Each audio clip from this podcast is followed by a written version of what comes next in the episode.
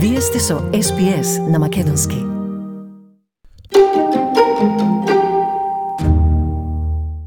Пандемијата со COVID-19 ги погоди луѓето ширум Австралија, но културно и јазично различните заедници беа особено погодени.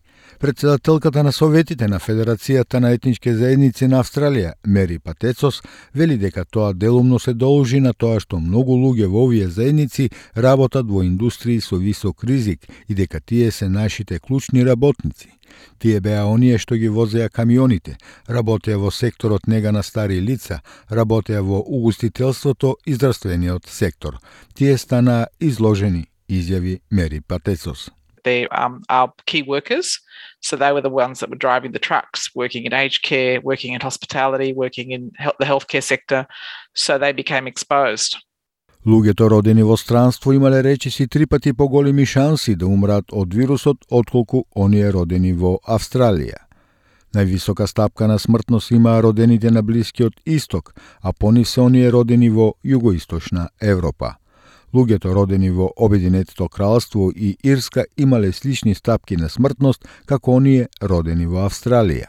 И додека мултикултурните групи велат дека има многу информации за COVID-19, сега на повеќе јазици, господја Патецос вели дека не е доволно направено во раните фази на пандемијата за да се пренесе важноста на вакцинирањето и ризиците што вирусот им ги представува на различните заедници certainly we needed to have language and cultural specific campaigns that went out um, at the very front end.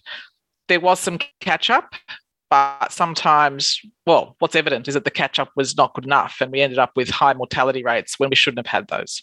Главниот медицински службеник во Австралија, професор Пол Кели, за Сенатот изјави дека бројките се одрес на тоа каде најтешко погоди пандемијата. Тој вели, знаеме дека цело време имало одредени проблеми во културно и јазично различните заедници. Со избувнувањето на Делта сојот во Сиднеј минатата година, југозападен Сиднеј беше во голема мера епицентарот на тоа, изјави Кели. We know all along there have been particular issues in, in, in culturally and linguistically diverse communities. If you cast your mind back to the Delta outbreak in in Sydney last year, Southwest Sydney was was very much the epicenter of that. Шефот на културно и јазично разноликата советодавна работна група на федералната влада, доктор Лукас Детока, вели дека има постојан ангажман со овие заедници кои покажаа неверојатно лидерство во само организирањето и работењето со двете нивоа на власт за управување со случаи, но и за подобрување на стапките на вакцинација.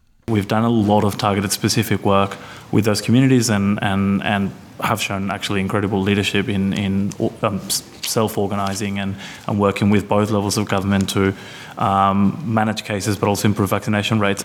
Министерот за мултикултурни прашања на опозицијата Ендрю Гилс ја обвинува владата на Морисон велејќи дека требало повеќе да се направи многу порано. I knew the numbers had been bad. We'd got terrible figures back in October. But the fact that this is getting worse is appalling and frankly unacceptable.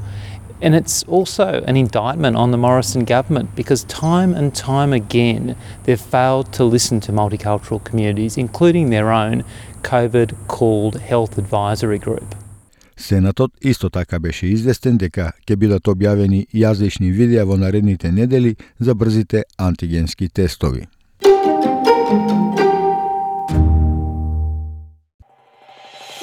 Сакате ли да чуете повеќе прилози како овој? Слушате подкаст преку Apple Podcasts, Google Podcasts, Spotify или од каде и да ги добивате вашите подкасти.